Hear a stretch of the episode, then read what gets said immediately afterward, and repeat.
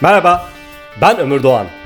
Öğrenme öğrenme, yaratıcılık ve daha fazlası için bir ömürlük içerikler paylaştığım podcast yayınıma hoş geldiniz. Yeni bölüm başlıyor.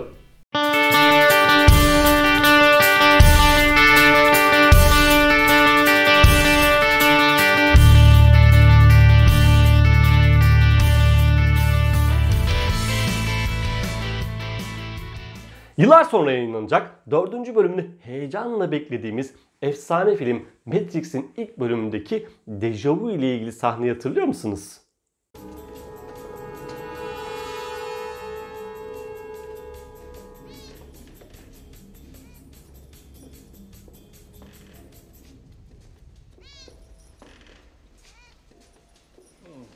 Deja vu. What did you just say? Nothing, just had a little deja vu. What did you see? What happened? A black cat went past us, and then another that looked just like it. How much like it? Was it the same cat? Might have been, I'm not sure. Switch, APOC. What is it? A deja vu is usually a glitch in the Matrix. It happens when they change something.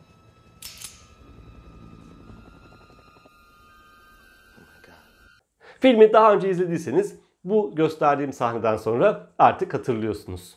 İzlemediyseniz de artık nasıl bir sahneden bahsettiğimi ve neyi kastettiğimi biliyorsunuz.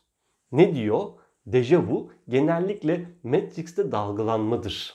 Bir şeyler değiştiğinde olur. Filmdeki hikaye bir yana. Aslında gerçeğe yakın bir tanım olabilir bu dejavuya dair. Bir ana ilişkin bilinçli gerçekliğimizle belleğimiz arasında geçici bir hata, bir dalgalanma olması halidir dejavu. Ve kelime anlamı Fransızca'da zaten görülmüş şeklindedir. 1900'lü yılların ilk yarısında tanımlanmış, tanımlanmasının ardından neden dejavu yaşadığımıza dair farklı açıklamalar, hipotezler öne sürülmüştür. Benim üniversite yıllarında Bilim ve Teknik dergisinde okuduğum bir açıklama, dejavu denilen hissin beynimizin duyu organlarından aldığı veriyi farklı loblarda işlemesi esnasında meydana gelen verinin işlenme hızındaki yani mikrosaniyelik farklardan kaynaklandığı şeklindeydi. Şöyle anlatabiliriz bunu. Normalde bir şeyi gördüğünüzde sol ve sağ gözünüzden gelen veri beyninizde birleştirilir ve tek bir şey olarak algılanır. Tamamen otomatik bir süreçtir bu.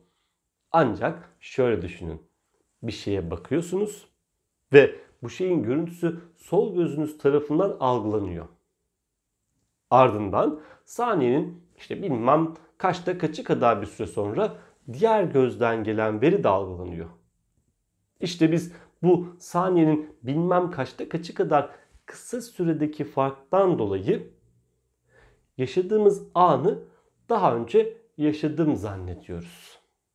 Yani aynı duruma dair sağ ve sol gözden gelen iki görüntünün algılanmasındaki geçici bir hata, geçici bir zaman kaymasıdır diyor dejavuya dair açıklamalardan biri.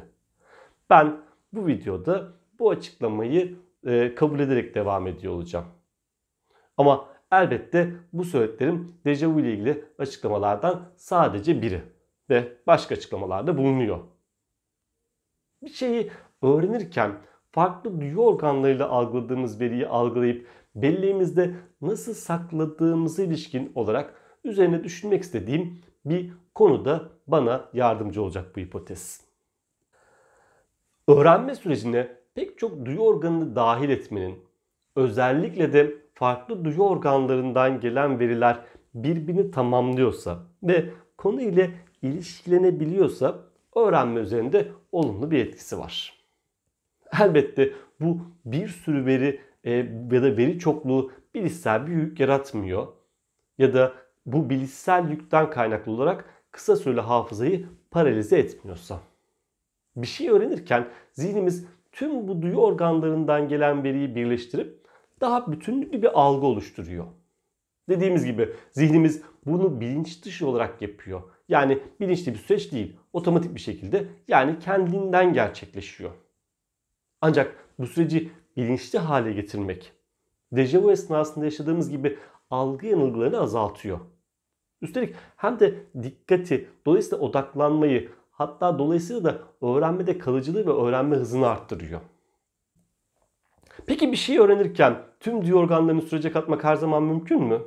Yani mesela 3 çarpı 5'in 15 yaptığını öğrenirken koku duygusunu nasıl katacaksınız ki işin içine? Aslında çok basit. 3'ü yan yatırın, 5'i kepçe gibi düşünün. Şimdi sıcacık, mis gibi kokan bir çorba hayal edin. Biri yeni sönmüş, kibrit kokan, e, kükürt kokan bir kibrit gibi düşünün. 5'i yine kepçe. Kibrit ile kepçenin içindeki çorbayı ısıtınca mis gibi kokular yayılıyor. Artık gördüğünüz gibi elinizde bir sürü koku ve bir sürü görüntü var. Bunları nasıl kullanacağınız artık size kalmış. Dediğim gibi her türlü öğrenmeye dair daha fazla duyu oranını katmak mümkün. Bu kadar uğraşmak istemezseniz 3 çarpı 5'in 15 yaptığını benim sözlü olarak söylememle 3 çarpı 5'in 15 yaptığını hem yazıp hem söylemek arasındaki farkı düşünebilirsiniz. Burada size bir ek bir bilgi daha vereyim. Beynimiz farklı bilgi türlerini farklı hızlarda işler. Örneğin görsel veriyi 60 bin kat daha hızlı işliyor. Normal koşullarda beynimiz algılamadaki bu zaman farklarını düzenleyerek bir algı oluşturuyor. Yani dejavuya dair algılama farkını hipotezini kabul edecek olursak dejavunun nedeni farklı duyu organlarından gelen verinin düzenlenmesindeki hata olarak da düşünülebilir. Ve bu bilgiyle şunu söyleyebiliriz ki farklı duyu organlarından gelen bilginin beyne farklı zamanlarda ulaşmasından dolayı her veri bir önce gelen veri için ön veri niteliği taşıyacaktır. Ve beyin dejavu etkisiyle tanıdık gelen bu bilgiyi saklamayı tercih edecektir. Çünkü bildiklerimizi, tanıdık gelenleri daha kolay öğreniriz. Üstelik yukarıda söylediğimiz gibi gerçek duyuları katmamız da gerekmiyor. Beynimiz çoğu durumda hayal ile gerçeği maalesef ayıramıyor. Hatta belki de iyi ki ayıramıyor. Dolayısıyla benim iddiam beynimizi kandırmanın, öğrendiklerimizi hayali bir çerçevenin içine yerleştirmenin, bunu yaparken hayali duyular eklemenin daha etkili bir öğrenme sağladığı yönünde. Bu şekilde beynimiz çok daha fazla bağ kuruyor ve öğrendiklerimiz daha kalıcı hale geliyor. Özetle söyleyecek olursak, beynimizde dejavu etkisi yaratmak, öğrendiklerimizi tekrar etmek, öğrenmeleri daha önce öğrendiklerimizle ilişkilendirmek, öğrenmeye çoklu duyu katmak.